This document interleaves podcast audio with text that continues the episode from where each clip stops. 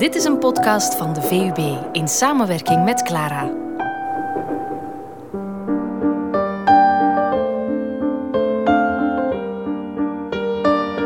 Wonderlust, de kunst van een mooi leven.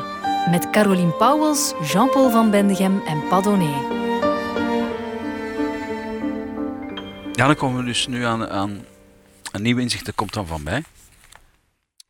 Ehm, als jullie er klaar voor zijn.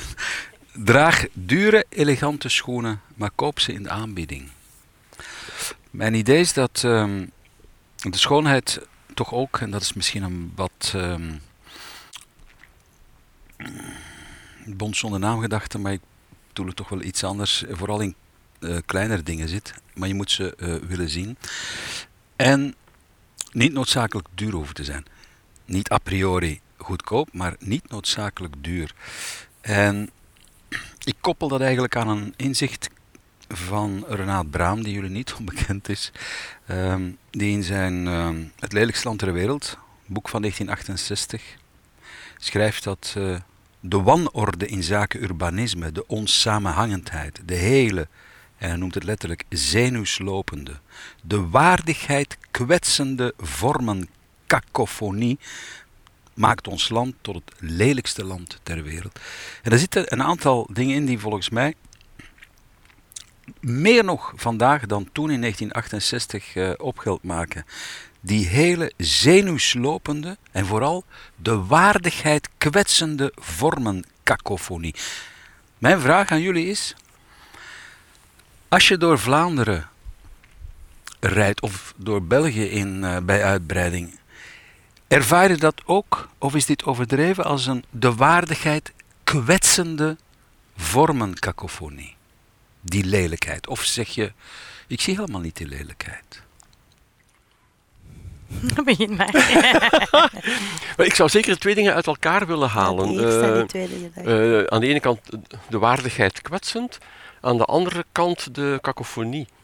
Uh, waarschijnlijk ben ik iets te veel beïnvloed geweest door de 20e eeuwse hedendaagse klassieke muziek om uh, te appreciëren. Ik bedoel, uh, uh, is veel meer dan alleen maar alles door elkaar. Dat, dat zou ruis opleveren, terwijl ik denk dat het genuanceerder moet zijn dan dat. Daar in C heb ik nog echt geen problemen mee.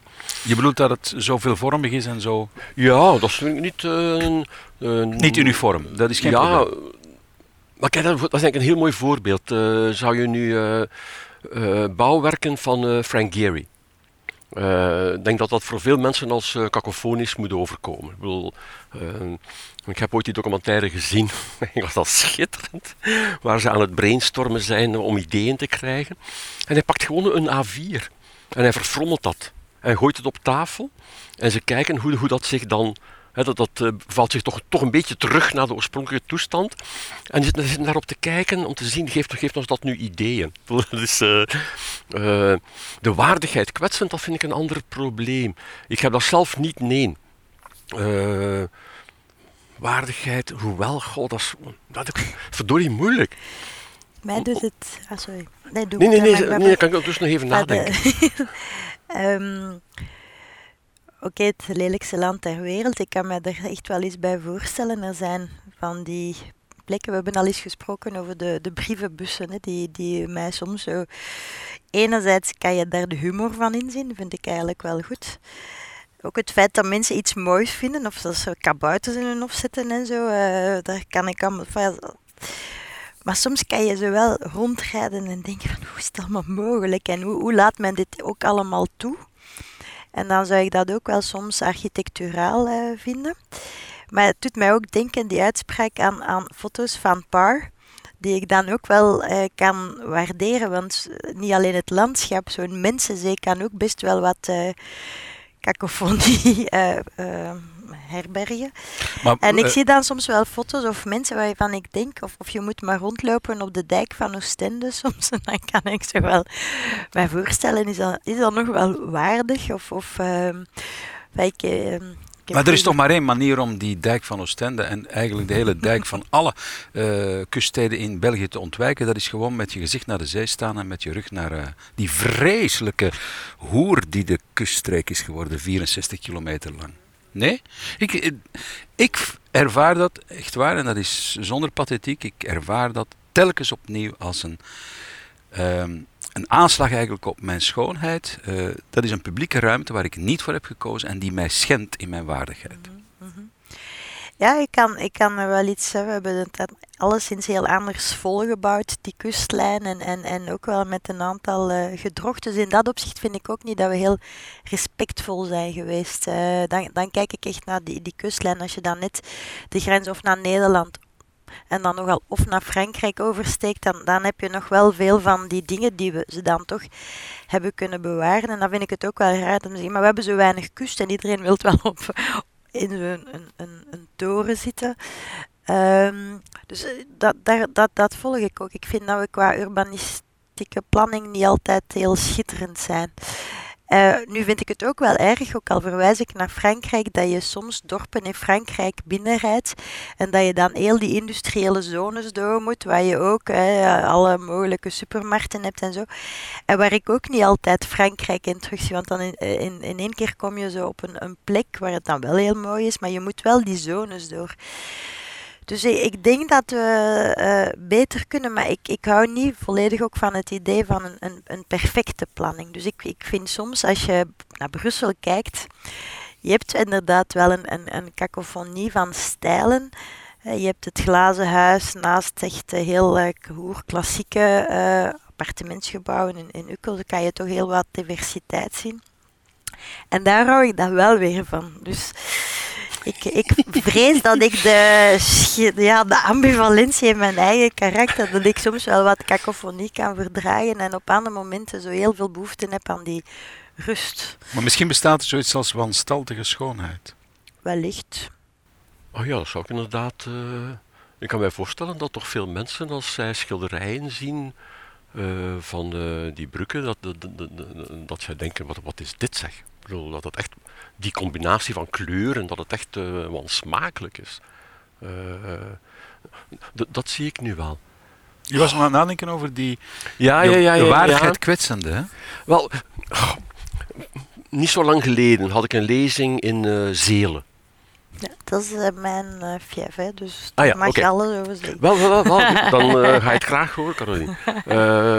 heeft een station, dat vind ik al wat niet mogelijk. Um, Kunt weg? Dus, ik loop dan de hoofdstraat van het station naar de plek waar ik moet zijn. De behuizingen, niks speciaals. Ik bedoel, en dan daartussenin staat er een, een, modernistische villa. Ik ben nu kwijt of het Huip is. Ik denk Huip Kijk, eh, zo'n parel daartussen. Uh, je zou bijna geneigd zijn om te zeggen, al goed dat die andere dingen daar rond staan, om jou nog eens te, om echt te laten doordringen, zo kan het ook. Vind je dat die parel van Huip als het uh, van hem is, mm -hmm. beter tot zijn recht komt, net omdat hij omringd is door die wanstaltigheid? Wel. Want dat is tamelijk pervers van gedachten. Ja, ik weet het. Ja, nee, nee. Wil, uh, zou het in een, in een eenzame vlakte staan, dan nog. Ik bedoel, ja... Dat, dat is maar dat is een uh, interessant gedachte-experiment. Stel dat die villa, die ja. modernistische villa, daar nu zou staan naast aller an, een, een, tiental andere urbanistische villa's. Ik bedoel, modernistische villa's. Wat dan? Uh, heb je in de Verenigde Staten, uh, uh, is het Oakland Park in Chicago, mm -hmm, voor een groot gedeelte door Frank Lloyd Wright gebouwd. Wel ja, dan krijg je wel dat idee uh, dit, heb ik al, dit heb ik al gezien. Ik bedoel, uh, uh, nog eens dat spelen met die glasramen en... en, en dus de repetitiviteit van die ja. schoonheid eigenlijk wekt op dat moment een soort van bijna vervelende aversie op. Dat is wat ik heb geleerd van de jonge AFTH, ja, van der Heijden. Ehm, ik vergeet altijd de titel. Mhm. Het leven een dag. Mhm. Uh, waar een, uh, mensen leven in een wereld waar het menselijk leven juist geteld 24 uur duurt. Wat dus maakt dat ongeveer alle gebeurtenissen die je meemaakt, maak je één keer mee. Je hebt één zonsopgang, je hebt één zonsondergang. Ze kunnen omgekeerd liggen, dat wel, maar één. En uh, wie slecht heeft geleefd, gaat naar de hel. En dat is hier, waar de herhaling alles kapot maakt. Dat is ongeveer de onderliggende gedachte. En de eeuwige terugkeer van de dingen. Niet ja, Ja, zoals ik altijd mijn studenten heb proberen uit te leggen, uh, verliefdheid, hou er rekening mee, uh, hoe intens ze ook mogen zijn, maar er komt een moment dat jouw lichaam zegt, uh, bon, we zijn 36 maanden verder, iets in die orde, nu is het wel genoeg geweest, of de persoon is nog steeds niet veroverd, dus wij, wij schakelen alles af op zoek naar de volgende. En zoals ik het dan altijd zeg, dat is die ochtend dat je s morgens wakker wordt, kijkt naar hem of haar, dat je denkt, huh? En dan is de relatie begonnen. Bijvoorbeeld. ja, ja, ja, precies. Die neus, die is toch niet zoals ik hem mij had voorgesteld. Ja, voilà. We zijn terug bij Pirandella. exact, ja. Jouw neus staat een beetje... Goh, maar, dat is dat nu wel een zeer bouwde uitspraak van mij. Alsof ik nu wil suggereren, je moet middelmaat hebben om het uitzonderlijke uitzonderlijke te kunnen laten wezen. Ah, ik vind dat moeilijk. Caroline? Voor, uh, voor mij niet per se. Bedoel, ik, ik denk wel dat ik in wijken kan rondlopen en, dezelfde, en, en inderdaad wel vormen van repetitiviteit zien. Maar ik zou dan net ook wel blij zijn dat er soms eens iets coherent wordt neergezet ook. Dus dat, dat men het is ja, je kan hebben op de Kogelziel, daar heb je ook uh, ja, verschillende waar je toch doorloopt en, en waar je denkt, uh, van ja, oké, ik ben wel blij dat, die, dat de hele wijk er is. Maar stel nu eens even dat heel Berchem alleen maar ook kogels ozieleien waren. Of sterker nog, heel Vlaanderen alleen maar kogels. Nee, zou, zou dat werken? Wel, dan, als je de schaal vergroot, dan, dan vind ik het minder aantrekkelijk. Alhoewel dat je in Engeland in van die dorpjes terechtkomt, hè, waar... Uh, en, en ja, dan is dat goed voor een tijd. Maar die, dus ik heb ook wel behoefte aan, aan, aan, waar, aan ordelijkheid en aan, aan wanorde om te kunnen gedijen. Maar ik kan, ja, ik denk, eh, ik zou het niet willen stellen dat ik alleen wanorde nodig heb om dan het schone te zien. Ik kan ook net van een aantal dingen. Uh, ja, en een bos zijn het ook, uh, bij wijze van spreken, als je zegt, zijn ook dezelfde bomen, maar toch kan je op een gegeven moment zo wel een gevoel hebben van oef. Is dat eigenlijk niet de geschiedenis van uh, Louvain-la-Neuve? Als je daar in het begin kwam, ik dacht, nu zouden ze mij overal een plaats mogen geven aan een universiteit, maar mijn god, niet hier. Alles, de architectuur is, Beton. is één, maar twee uniform de studentenkoten, uh, de huizen waar de professoren wonen, de cafés, de restaurants. Allemaal uniform. En je ziet wat er over al die jaren gebeurd is. Hè? Uh, het is nu voldoende al gediversifieerd. Heel typisch, de professoren wonen nu rond Louvain-la-Neuve.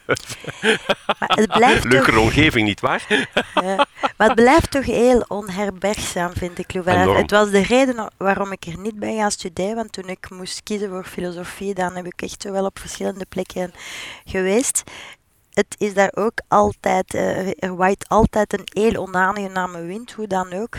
het kan mij van alles te maken hebben. Maar het, ik vind het archi lelijk. En als ik daar dan was, en om, om, om, ben ik in Le Barak terechtgekomen. Dat zijn huif, huifkarren die in, in Louvain-la-Neuve stonden. Dus ik ben daar... Uh, en dat was eigenlijk heel grappig, want ze zeiden dan tegen mij, nu ben je net op die plek terechtgekomen waar... Uh, er uh, wanorde heerst en dus het niet in het globale plaatje paste. Zeg je huifkarren? Ja, echt. Daar stonden dus allerlei... Ja, ja, daar stonden dus Le Barak en bestaat nog schijnt, hebben ze mij onlangs gezegd.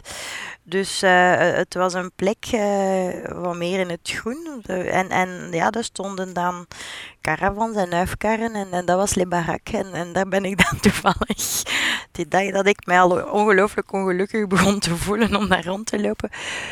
Ik ben wel een aantal jaren naar Theater Jean Villard blijven gaan. En uh, dat was dan ook weer in die zoektocht naar het andere dan. Ik bedoel, uh, ik vond dat hij op een gegeven moment goed programmeerde. En, en je had daar ook een heel interessant ook, uh, audiovisueel departement. En, maar het, het, ja, ik vind Louvain-la-Neuve, ik moet daar nu af en toe zo zijn mm -hmm. met mhm. de rector, ik vind het ontzettend onaangenaam. In die zin zelfs dat het kan deprimeren, kan ja, dus... mij ja, deprimeert ja, dit volledig. Ik moet daar eigenlijk nog maar de eerste stap zetten. En al dat lelijke valt op mij.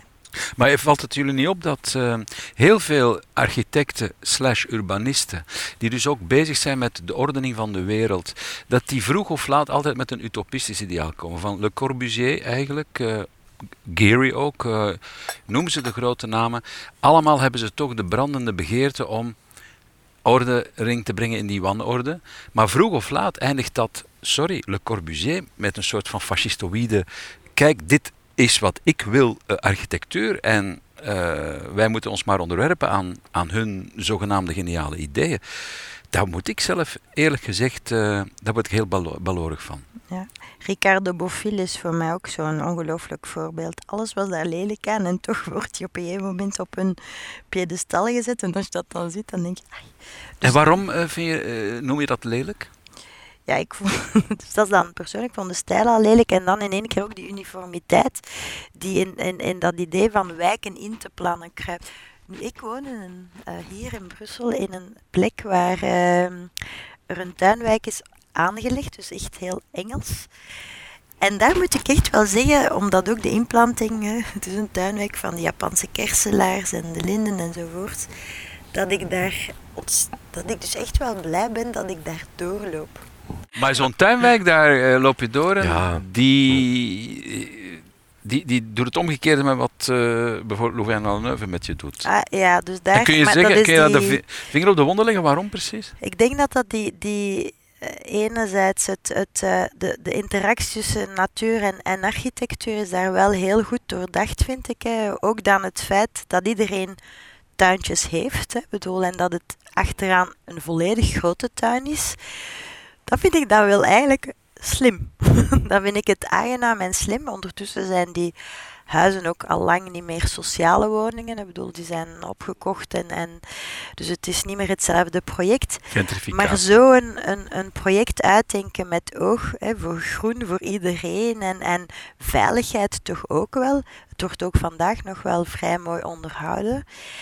En uh, daar kan ik dan inderdaad wel de blijdschap voelen van als ik naar hier kom, rijd ik door die wijk.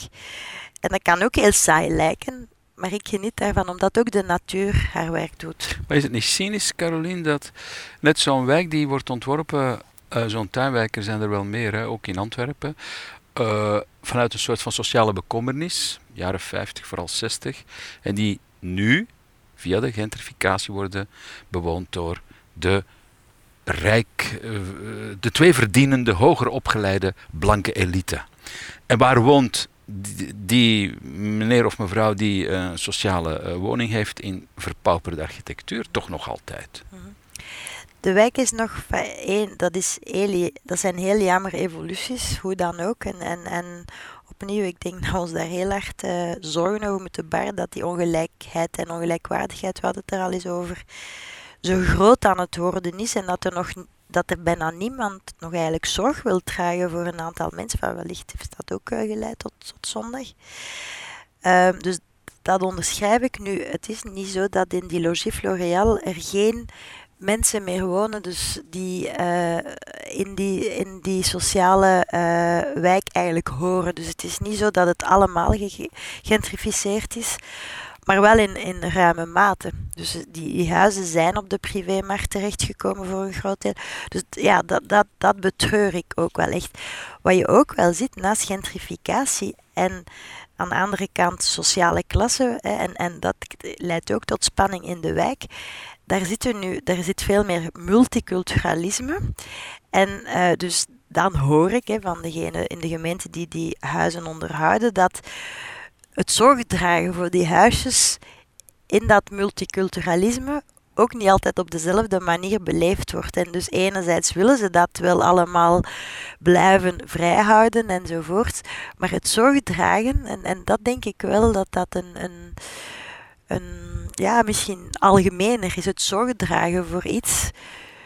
Misschien verliezen we dat wel ehm, een beetje zo. Die, die, die wijk die wordt uitgedacht je kan dat ook heel planmatig noemen, maar ze wordt uitgedacht. Mensen zijn blij dat ze hun huisje krijgen. Ze onderhouden dat ook picobello. En vandaag is dat blijkbaar heel moeilijk aan het worden.